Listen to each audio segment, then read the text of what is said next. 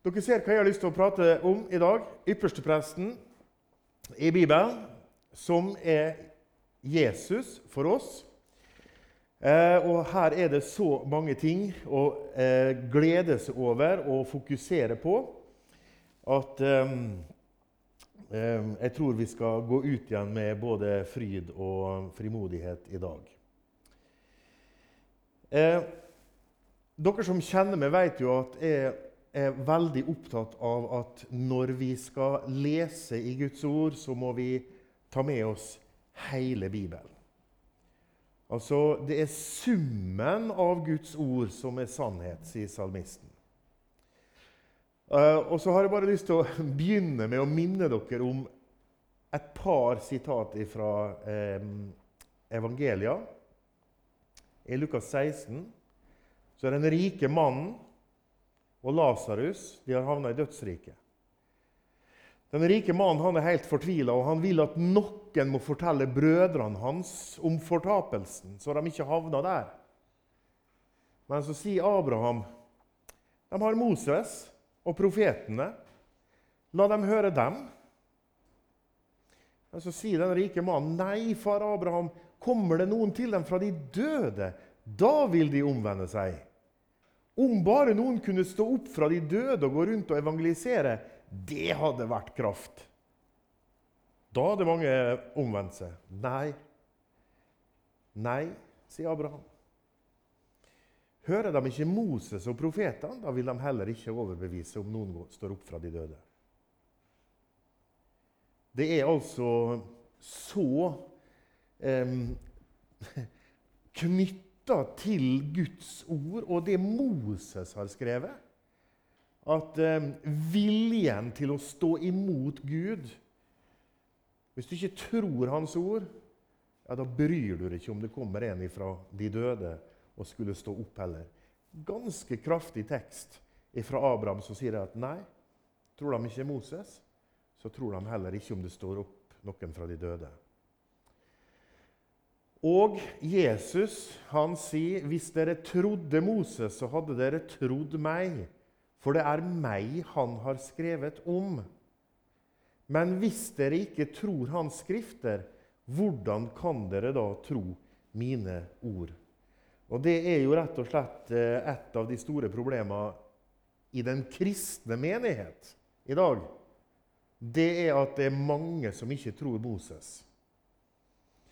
Jeg tror Moses fra kapittel 1 og vers 1 og jeg tror Gud mener det han sier, og han sier det han mener. Denne Bibelen vår den er jo ganske omfattende. 31 173 vers. Det er ikke noe åndelig i det, for de versene de ble ikke tildelt før på 1600-tallet. Så det er ganske nylig vi har fått vers. Eh, og 1189 kapitler de kom på 1200-tallet, så det er ikke noe sånn særlig åndelig over det heller, kanskje. Men det er veldig praktisk. Det er så vanskelig å hilse med Johannes 3, 16 hvis du må hilse med hele Johannes-evangeliet. Så det er veldig praktisk å ha noen kapitler og vers. 66 bøker, 40 skribenter, skrevet over en periode på 1500 år. Men det én forfatter, og det er ett sammenhengende budskap fra begynnelse til slutt. Så jeg liker jo å sammenligne dette her med et puslespill. Hele familien min elsker å pusle, bortsett fra meg sjøl. Så i påske og jul og alt sånt, så sitter hele gjengen rundt eh, spisebordet med 3000 brikker og koser seg. Og jeg lurer på hva i all verden de holder på med. Eh, men jeg ser for meg Bibelen som et sånt puslespill med 31 000 brikker som skal settes sammen. Og det er bare ett bilde som er riktig. Det er bare ett bilde som er riktig. Og det er mange brikker her, mange vers, som skal passe sammen. Og de passer sammen fordi det er én forfatter. ikke sant? Så helheten i Guds ord er superviktig. Og så sier det kanskje litt sånn eh, må ikke bli sint på meg, da. Eh, noen sitter og pusler bare med noen andaktsbøker gjennom hele kristenlivet sitt. Noen sitter og pusler bare med noen mannakorn gjennom hele kristenlivet sitt. Noen sitter og pusler bare i Matteus, Markus og Lukas gjennom hele kristenlivet sitt. Får du et helt bilde da?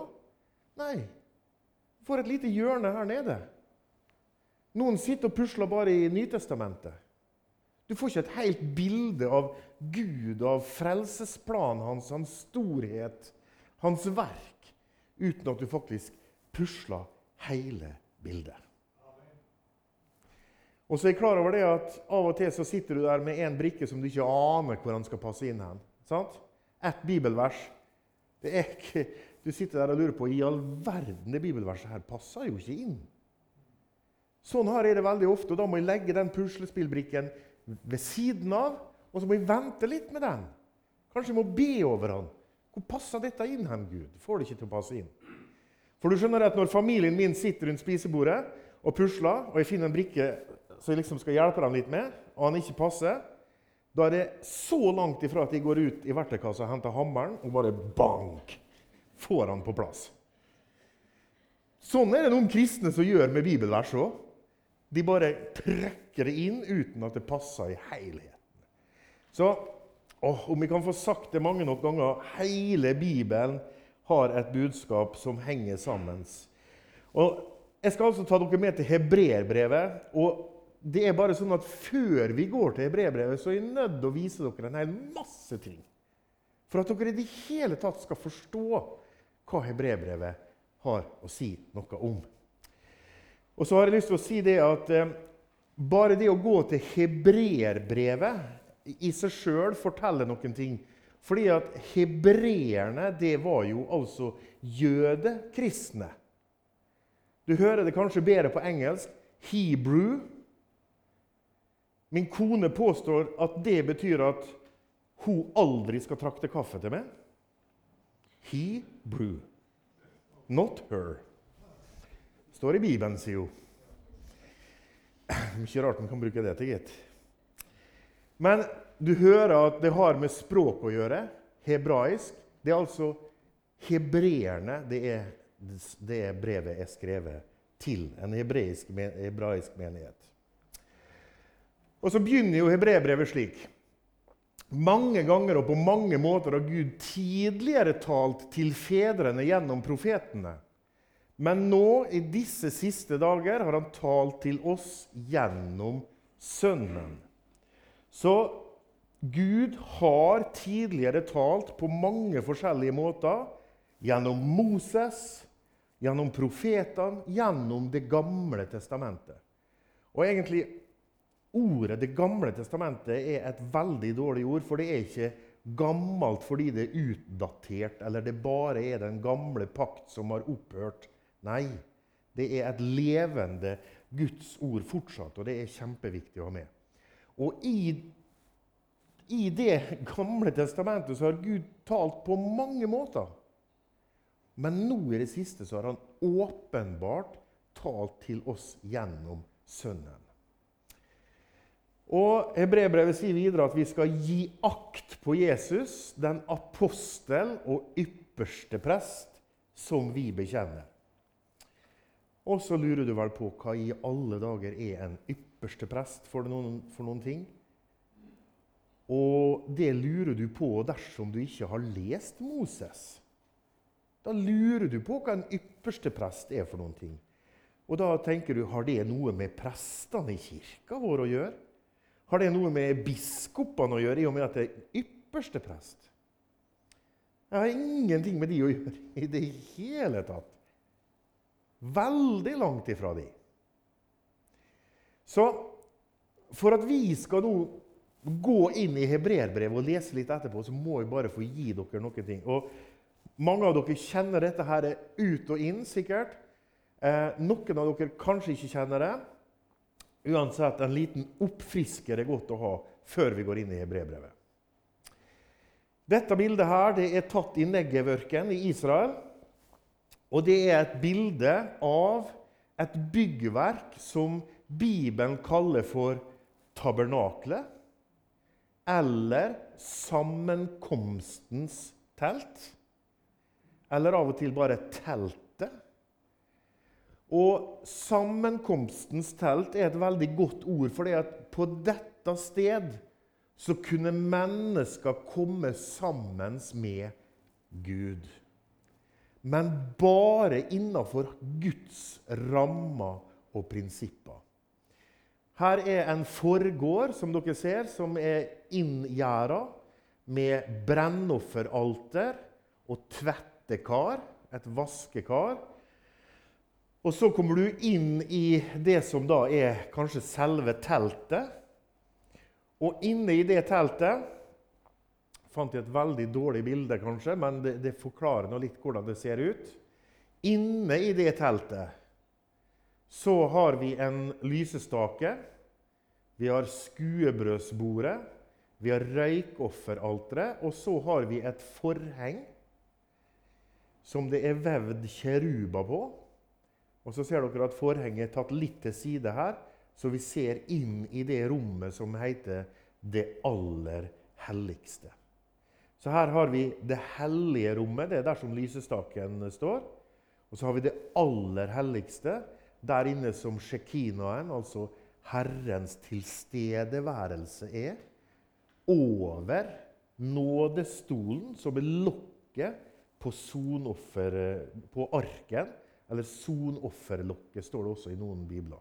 Der er det to kjeruber som står vendt mot hverandre og ser ned på stedet der blodet skulle stenkes ifra offerdyret. Og her er så mange ting. Når du kommer til Romerbrevet 3, og så leser du at Jesus han er for oss Han skal fremstilles som en nådestol. Jaha. Make no sense, eller? Nei, det gjør ikke det hvis man ikke har studert inngående andre, og tredje og fjerde Mosebok.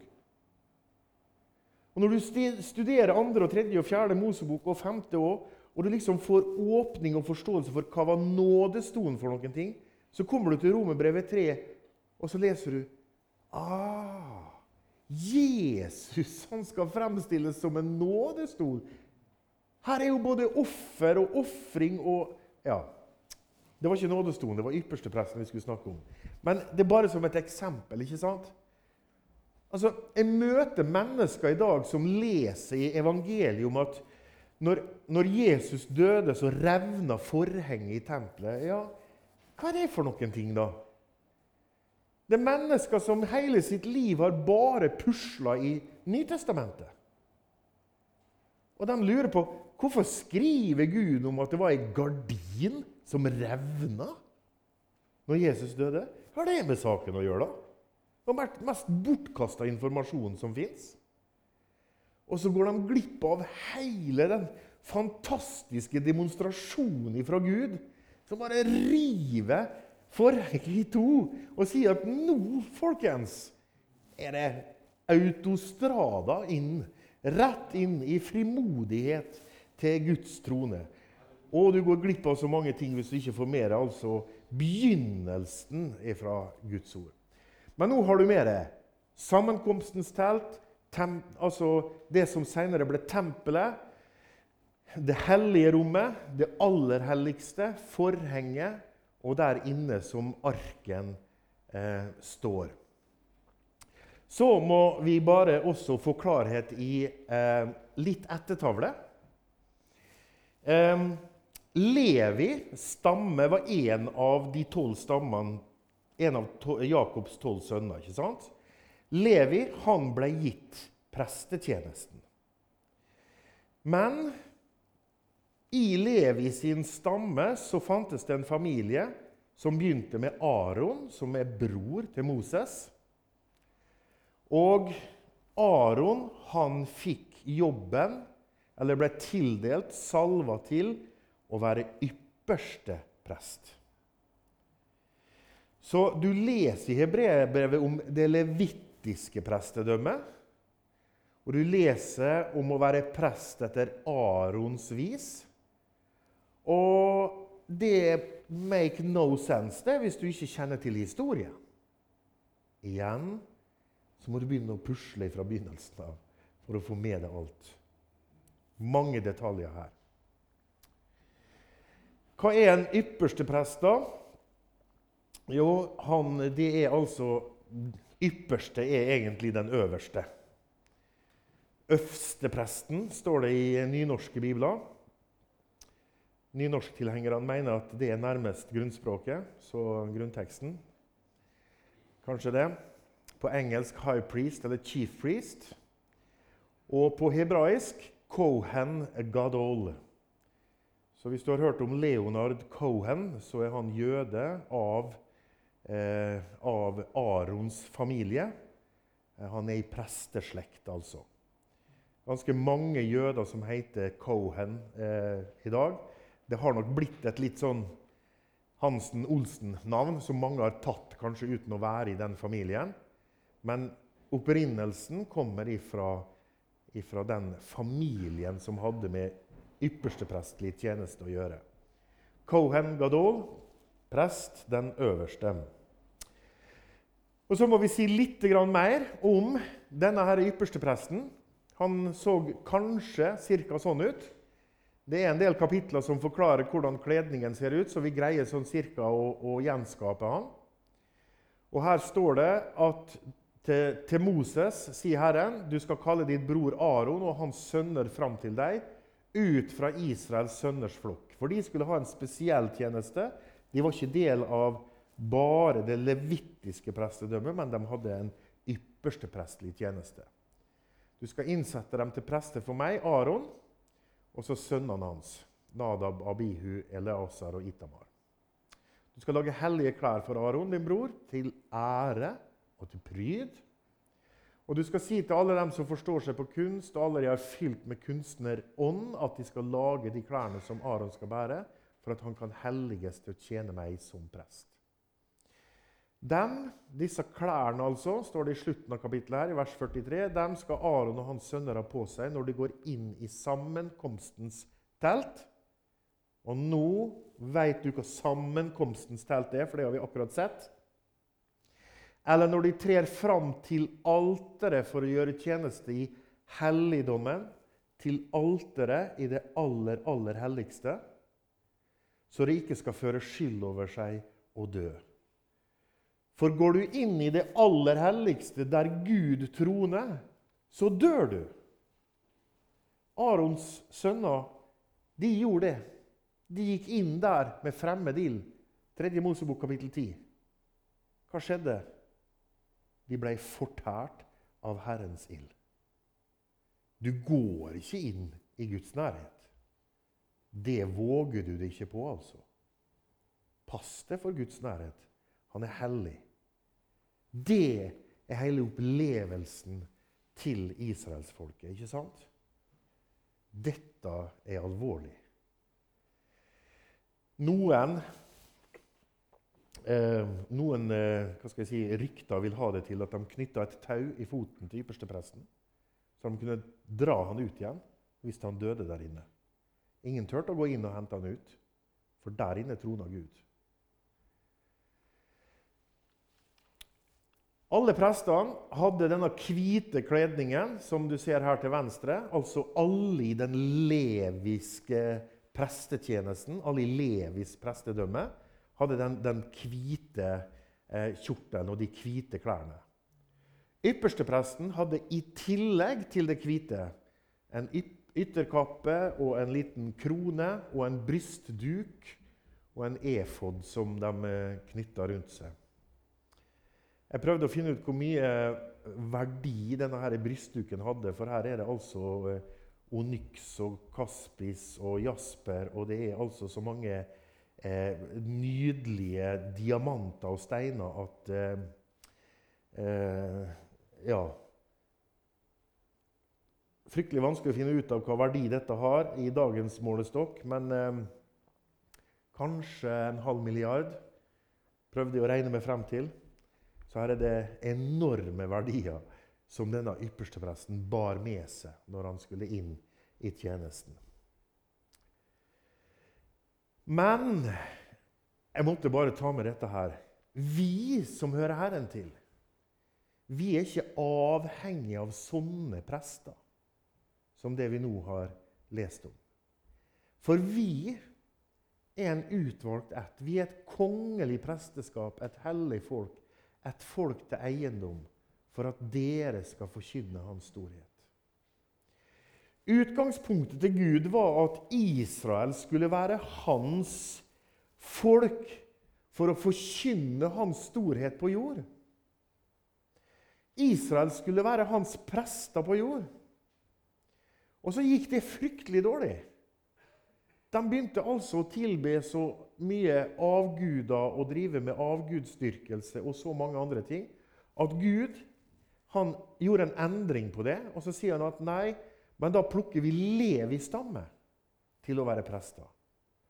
Og så skal Aron være ypperste presten.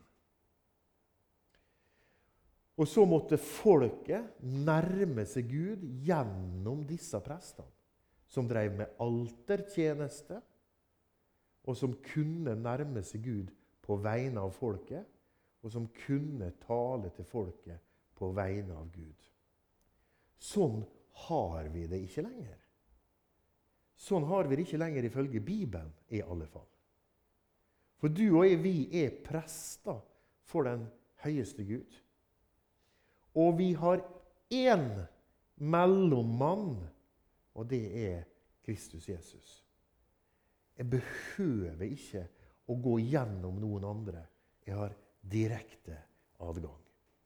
Og det er en, en sånn enorm endring fra hvordan dette her var før Jesus. For Jesus han gikk ikke inn i en helligdom som var gjort med hender. Og nå veit du hva det var.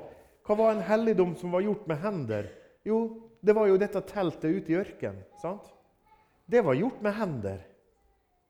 Det var altså mennesker som hadde bygd. Og det er bare et bilde av den sanne helligdommen inntil den nåværende tid. Han gikk altså inn i selve himmelen. Så må vi ta med den spesielle dagen som eh, du kanskje har hørt om heter Jom Kippur, eller den store forsoningsdagen. For Når vi skal lese i hebreerbrevet, så må vi også forstå hva den dagen er for noen ting. Og I 3. Mosebok 16, hele kapittel 16, egentlig, så leser vi om denne dagen. Um, I den sjuende måneden, på den tiende dagen, så dette er en fastsatt dag i året. Da skal dere faste og ikke gjøre noe arbeid. For på denne dagen skal det gjøres soning for å rense dere. Og det skal være en høyhellig sabbat.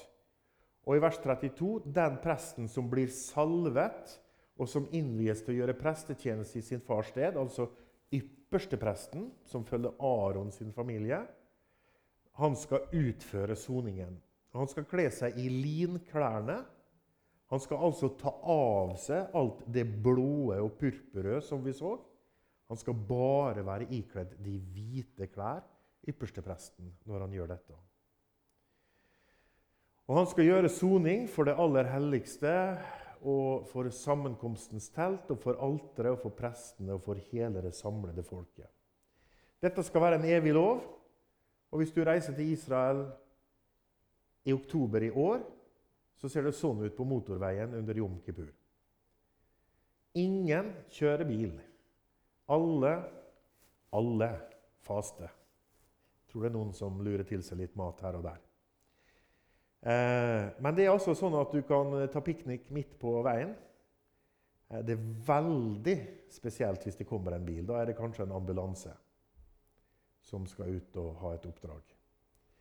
Så på Jom Kippur, den ene store forsoningsdagen, da er det faktisk sånn at det feires fortsatt i Israel. Og hva er det å forsone? Hva er en forsoningsdag? Det ordet der er ikke alltid så lett kanskje å eh, få med seg. Um, men å være uforsont, det vet du hva er. Da er det noen som krangler, ikke sant? Da er det uvenner. Og det er det samme å være uforlikt. Det sa faktisk min mor, men jeg tror det er ingen som sier det i dag. Nå må ikke dere være så uforlikt, da, sa hun. Og det var altså Nå må dere ikke være uvenner. Og det å forsone noen som er uforsont, det er altså da å få de til å bli venner. Dette er ikke en strid lenger. Og Vi har faktisk noe i norsk rettsvesen som heter forliksråd. Så da har du det ordet. Prøve å forlike de to naboene som krangler. Eh, og det er veldig lett å blande forsoning med soning. ikke sant? Har, er forsoning Er det noe med soning? Nei. Men eh, en forsoning mellom Gud og mennesker krever en soning. Og Jesus han er vår soning for at vi skulle bli forsont. Ikke sant? Så da vet du litt om, om det. Oppsummering. Kun ypperstepresten alene kunne gå inn i det aller helligste på forsoningsdagen. Ingen andre. Han kunne ikke gjøre det til enhver tid, men kun én gang den datoen Gud hadde fastsatt. Hvis du gikk inn der til feil tid eller på feil måte, så dør du. Herren åpenbarer seg, han troner over nådestolen. Ifra det stedet talte Gud, og det var stedet hvor mennesker kunne møte Gud én gang om året. Offeroksen og bukken skal brennes opp utenfor leiren. Ypperstepresten skulle være kun iført sine hvite klær. Bare en, bare en liten parentes her. Han som ikke visste av synd. Han trådte for en liten tid lavere enn englene. Han tok av seg sin herlighet. Ikke sant? Og så trådte han ned i vår verden. Denne herlighetskledningen som ypperstepresten hadde på seg, den tok han av seg. Og så gikk han inn i den reine hvite kledningen. Her er altså detaljer som du kan studere på om vår Jesus, som altså ikke akta det for et røva bytte å være Gud lik, men han forneda seg sjøl, kom hit til verden i fullkommen renhet. Det var en syndofferokse til soning for seg og sitt hus. To geitebukker. Én skulle ofres, og én sendes bort. Ildkaret med røkelse her er en liten detalj, kanskje. Men ildkaret med røkelse, som vanligvis sto ute i det aller helligste, det ble båret inn i det eh, Det som sto ute i det helligste, ble båret inn i det aller helligste på forsoningsdagen. Og blodet av oksen og bukken stenkes på nådestolen og foran nådestolen så bare legger du merke til at bukken og oksen skulle brennes opp utafor leiren. Hva skjedde med Jesus? Jo, han nå led utenfor leiren, utafor muren, for å hellige folket ved sitt eget blod.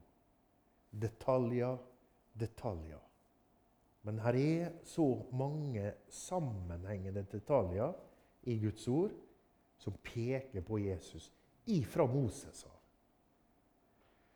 Og Så leser du kanskje i Hebrebrevet 9, og så ser du det at uh, i det aller helligste der står det et røkofferalter av gull og paktens ark. Og så Her kommer folk og så sier ja, jeg har funnet en feil i Bibelen. Her er en feil i Bibelen. Røkofferalteret sto jo i det aller helligste, og ikke her inne. Beklager, jeg må nok skuffe alle som tror det er feil i Bibelen. Denne beskrivelsen her beskriver nemlig forsoningsdagen og på forsoningsdagen så står det hvorfor offeralter av gull inne i det aller helligste. Skjerpings til alle som prøver å finne feil. Gjør det noe skikkelig og grundig, da. Hvis du først skal prøve å finne feil. Og hvis du gjør det grundig, så finner du ikke feil.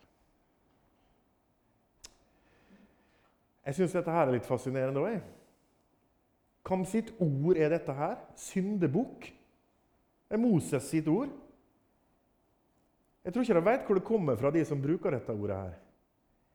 En eller annen har fått Altså En eller annen blir syndebukk. Både i idrett og i, arbeidsliv og når det gjelder strømpriser. og Hva med syndebukken? Og Det er egentlig et veldig godt ord. For finner vi en syndebukk, så legger vi all skyld på syndebukken. Og det er jo nettopp det som er evangeliet om Jesus. Her er én som er syndebukk, og all skyld og synd blir lagt på ham. Og Det kommer altså ifra Moses, ifra forsoningen i tabernaklet. Fascinerende. Her er altså ypperstepresten eh, kledd i hvitt inne i det aller helligste. Det var nok ikke så fritt for, eh, fritt for røyk som det er på dette bildet her. For eh, når han tar med seg røykofferalteret inn, så var det nettopp for at rommet skulle dekkes med røyk, slik at han ikke skulle se inn i sjekinaen over nådestolen, der Gud sitt nærvær tronte. Så nå har du fått det med deg. Det aller helligste, forsoningsdagen og alt det som skjer rundt ypperstepresten. Og nå skal vi lese. Og vi skal lese en del sammen fra hebreerbrevet. Og husk at det er hebreere, jøder, som kjenner dette her inngående godt.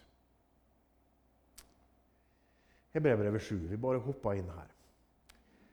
Av disse andre prestene er det blitt mange. Ja, For de døde jo. Da måtte vi ha en ny en. Men han, Jesus, han har et prestedømme som ikke kan forandres, fordi han blir ved til evig tid. Derfor kan han også fullkomment frelse dem som kommer til Gud ved ham, da han alltid lever for å gå i forbønn for dem. For en slik yppersteprest var det vi måtte ha. Og en slik yppersteprest hadde det aldri vært før. Men en slik måtte vi ha. Hellig, uskyldig, rein, skilt fra syndere og opphøya over himlene. Han måtte være Gud, altså. Fullkommen. En som ikke daglig trenger til lik yppersteprestene. Og bare fram offer, først for egne synder og deretter for folkets. For det gjorde han en gang for alle da han ofret seg selv. En yppersteprest som ofra seg sjøl, folkens. En yppersteprest som både er prest, men også syndoffer, offerlam og bukken for loven, altså Moseloven, innsetter skrøpelige mennesker som yppersteprester. Men edens ord, altså at Jesus er yppersteprest, det har ikke Gud bare sagt med et løfte. Men med to ting skal det stå fast. Med et løfte fra Gud, og han har sverga en ed. Tenk det. Så nøye og viktig er Gud på dette her. Han innsetter Sønnen, som er blitt fullendt for all evighet. Og en hovedsak ved det vi her taler om, er dette. Vi har en slik yppersteprest som satte seg Hallo? Prøv å være i hebreermenigheten nå. Hva er han vant med? Finnes det stol inne i sammenkomstens telt? Nei. Altså, En ypperste prest kan ikke sitte. Det går ikke an, det. Det er jo uhørt. Hva er det som skjer, Gud? Hva er det du sier? Har Jesus satt seg ned? Det her er, det her er voldsomme greier. At ypperstepresten har satt seg ned der inne ved majestetens trone i himlene. Det er en demonstrasjon av hvor endelig og fullført og ferdig dette verket er. Og Hvis du ikke kjenner til hvor, hvor, altså hvor fullstendig uhørt det er at den ypperste prest setter seg ned, så går du glipp av det i dette første verset. her. At her har det jo skjedd noe voldsomt. Altså, En hovedsak er at vi har en sånn ypperste prest. En som gjør prestetjeneste ved helligdommen, det sanne tabernakel. Som Herren har reist, og ikke et menneske. Vi har sett det tabernaklet som et menneske har reist, men her er det snakk om det himmelske. Inne i det aller helligste hos Gud i himmelen. Der gjør Jesus en prestetjeneste. For hver ypperste prest blir innsatt for å bære fram gaver og offer. og Derfor er det nødvendig at også han har noe å bære fram. Dersom han nå hadde vært på jorden, så hadde han jo ikke vært prest. For der finnes det jo andre etter loven som bærer fram offergavene. De gjør jo tjeneste ved en helligdom som er et avbilde og en skygge av den himmelske. Den helligdommen som er gjort av mennesker, er altså et avbilde og en skygge av den, det som befinner seg i himmelen. Wow! Bruk litt tid på andre Mosebok, da, folkens. For det er et bilde av de himmelske ting.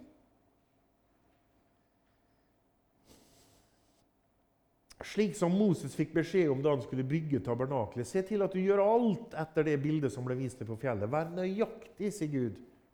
For her er detaljer om de himmelske ting. Men nå har Kristus fått en så mye bedre prestetjeneste. Like som han også er mellommann for en bedre pakt, som er lovfestet på bedre løfter. At han er vår ypperste prest, har innført noe aldeles nytt. Han er offeret, og han har satt seg i det himmelske tabernakel og er der vår mellommann, den eneste. Jeg er så glad for at jeg ikke er avhengig av noen annen mellommann. Tenk å måtte gå til presten. Tenk å måtte gå til ypperstepresten. Kan du ofre dette dyret for meg og for mine synder? Kan du si til Gud? Kan du snakke med Gud? Vet du, Jeg har direkte adgang. Det er bare rett opp. Rett inn i det aller helligste. Full adgang. For det er én Gud, og det er én mellommann. Vi har ikke andre prester i dag enn du som hører Jesus til. Det er de eneste prestene som fins. Det er du som er født på ny og hører Herren til. Og vi har ingen ypperste prester heller. Vi har én, og han befinner seg i himmelen. Og du som er prest, du har direkte adgang til ypperstepresten. Nå hadde jo også den første pakt sine forskrifter for gudstjenesten, og den hadde sin jordiske helligdom. ikke sant? Den hadde et gudshus på jord. Vi har ikke Guds hus lenger som er bygd av menneskehender. Noen kaller kanskje bedehuset for Guds hus. Det er greit nok, det, men det er ikke bibelsk. Guds hus på jord, det er du og jeg som hører Herren til. Det er Guds tempel. Den jordiske helligdom det var altså tabernaklet. For det var reist et telt, det forreste og i dette var både lysestaken og bordet og skuebrødene. Det blir kalt det hellige. Men bak det andre forhenget var det et telt som blir kalt det aller helligste, som hadde røkofferalter av gull og paktens ark, og som var kledd med gull, og den inneholdt en gullkrukke med manna og Arons stav som hadde blomstret, og paktens tavler. Og over arken var herlighetens kjeruber som skygget over nådestolen. Om disse ting skal vi ikke tale i enkeltheter.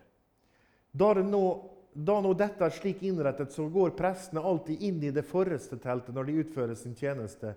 Men i det andre teltet går bare ypperste presten inn én gang om året, og da ikke uten blod, som han bærer fram for seg selv og for folkets forseelser. Med dette gir Den hellige ånd til kjenne at veien til helligdommen ennå ikke er blitt åpenbart, så lenge det forreste teltet står. Her er en oppsummering av det vi har snakka om. ikke sant? Tabernaklet, tabernakletjenesten, eh, forhenget, ypperstepresten, forsoningsdagen. Med dette så gir Den hellige ånd til kjenne at hit, men ikke lenger. Et syndig menneske kan ikke komme i kontakt med den hellige Gud. Hit, men ikke lenger. Den hellige ånd gir til kjenne at veien til helligdommen ennå ikke er blitt åpenbart, så lenge det forreste teltet ennå står. Dette er et bilde inntil den nåværende tid. Og I samsvar med dette blir det så båret fra både gaver og offer som ikke makter å gjøre den som tjener Gud, fullkommen etter samvittigheten. Sammen med bud og mat og drikke og forskjellige renselsbad er dette kjødelige forskrifter som er pålagt inntil den tid da alt skulle settes i rette skikk. Alt peker frem på noe der fremme. Men da Kristus kom som ypperste prest for de goder som skulle komme, gikk han gjennom det teltet som er større og mer fullkomment. Nå får du jo alt med deg, ikke sant? Gikk han gjennom et telt, tenker noen, når de leser her. I alle dager gjorde Jesus inni et telt? Altså, Vi har jo slutta med telt, det er jo campingvogn nå. Hva i alle dager skulle han i et telt, liksom? Nei, kjenner du ikke Kjenner du ikke Mosebøkene, så, så blir dette her tullete lesning, egentlig. Du må forstå bakgrunnen. Helheten. Han gikk gjennom det teltet som er større og mer fullkomment, som ikke er gjort med hender, dvs. Si det som ikke er av denne skapning. Og han gikk ikke med blod av bukker og kalver, men med sitt eget blod gikk han inn i helligdommen en gang for alle og fant en evig forløsning. For så sant blodet av bukker og okser og asken av en kvige helliger til kjødets renhet når det blir stenket på den som er urene. Ja, det finner du i tredje Mosebok. Hvor mye mer skal da Kristi blod, han som i kraft av en evig ånd bar seg selv framfor Gud som et lyteløst offer, rense vår samvittighet fra døde gjerninger, så vi kan tjene den levende Gud? Derfor er han mellommann for en ny pakt, for at de som er kalt, skal få den evige arven som var lovt, etter at det har funnet sted en død til forløsning fra overtredelsene, også under den første pakt. Og vet du, Vi kunne ha fortsatt. Vers 21-28. Han gikk ikke inn i en helligdom som var gjort med hender, står det i vers 24. Han gikk inn i selve himmelen for nå å åpenbares. Hva prestetjeneste driver Jesus med akkurat nå? Jo, i dette øyeblikk så åpenbarer Jesus seg for Guds ansikt. For sin egen del? Nei, hva står det? For vår skyld. Nå, på søndag, her i dag, så er Jesus der. Jon Roger han er fullkommen rettferdig, sier Jesus. For se, her er offeret. Her er slakteofferet. Som er slakta for Jon Roger sine syndige ord og tanker og gjerninger. Og å lese brevbrevet uten å kjenne begynnelsen av historien, da går man glipp av mye. Her er altså Og for tenk deg disse hebreerne som var vant til denne offertjenesten og som leser dette her Å, for en frelser vi har fått! Loven er bare en skygge av de goder som skulle komme. Vi må hoppe litt. Jeg hadde bare lyst til å ta med vers 19. Brødre og søstre. Vi har altså i Jesu blod frimodighet til å gå inn i helligdommen. Frimodighet. Og jeg kjenner jammen ikke alltid på den frimodigheten. det må jeg si. Men i Jesu blod har jeg frimodighet. Jeg trenger ikke å kjenne på han. Jeg trenger ikke å føle meg fullkommen, for det er ikke ofte jeg gjør. Jeg føler rett og slett på utilstrekkelighet og synd. Men i Jesu blod kan jeg møte opp i det aller helligste. Hjelpe meg, Jon Roger. Tør du å gå inn i det aller helligste, der den evige Gud sin trone er? Ja, det tør jeg. Jeg har til og med frimodighet. I Jesu blod. Og jeg kan gå inn der til det aller helligste, og så kan jeg si Far. Til denne levende, fortærende ild. For han er blitt min far. Så la oss da tre fram. Med sannferdig hjerte, troens fulle visshet, med hjertet rensa fra en ond samvittighet, og med legemet badet i rent vann. La oss holde urokkelig fast ved bekjennelsen av vårt håp, for Han er trofast som ga løftet. Og vi kunne ha lest kapittel 4, 5, 6, 7 i tillegg. Som handler om Jesus som vår ypperste prest. Ja, vi må stoppe der. Kjære Jesus, jeg har lyst til å takke og prise deg for at du er vår eneste mellommann. At vi har direkte adgang til det, Jesus. Og at vi i ditt blod kan gå inn i det aller, aller helligste. Der du, Far, troner. Åh, i Jesu blod kan vi gå inn der. Du, Jesus, du er syndebukken. Du er syndebukken som jeg kan legge all min synd på all min skyld. Kan legge det der. Og så er du min syndebukk for alltid. Du har båret det bort. Og du er det fullkomne offer. Fordi vi måtte ha en sånn ypperste prest som var hellig og ren og uskyldig. Takk og priser deg for det, Jesus. Og jeg ber og oppmuntre alle som hører det til, Jesus, til å, til å få appetitt på å lese i ditt ord. Fra begynnelse til slutt. For du har så mange herlige skatter for oss, som gir oss altså oppmuntring og glede. Og Jesus, jeg ber om det. Hjelp oss til å rive oss løs ifra hva enn som foregår, og så sette oss ned sammen med deg, Jesus. Amen.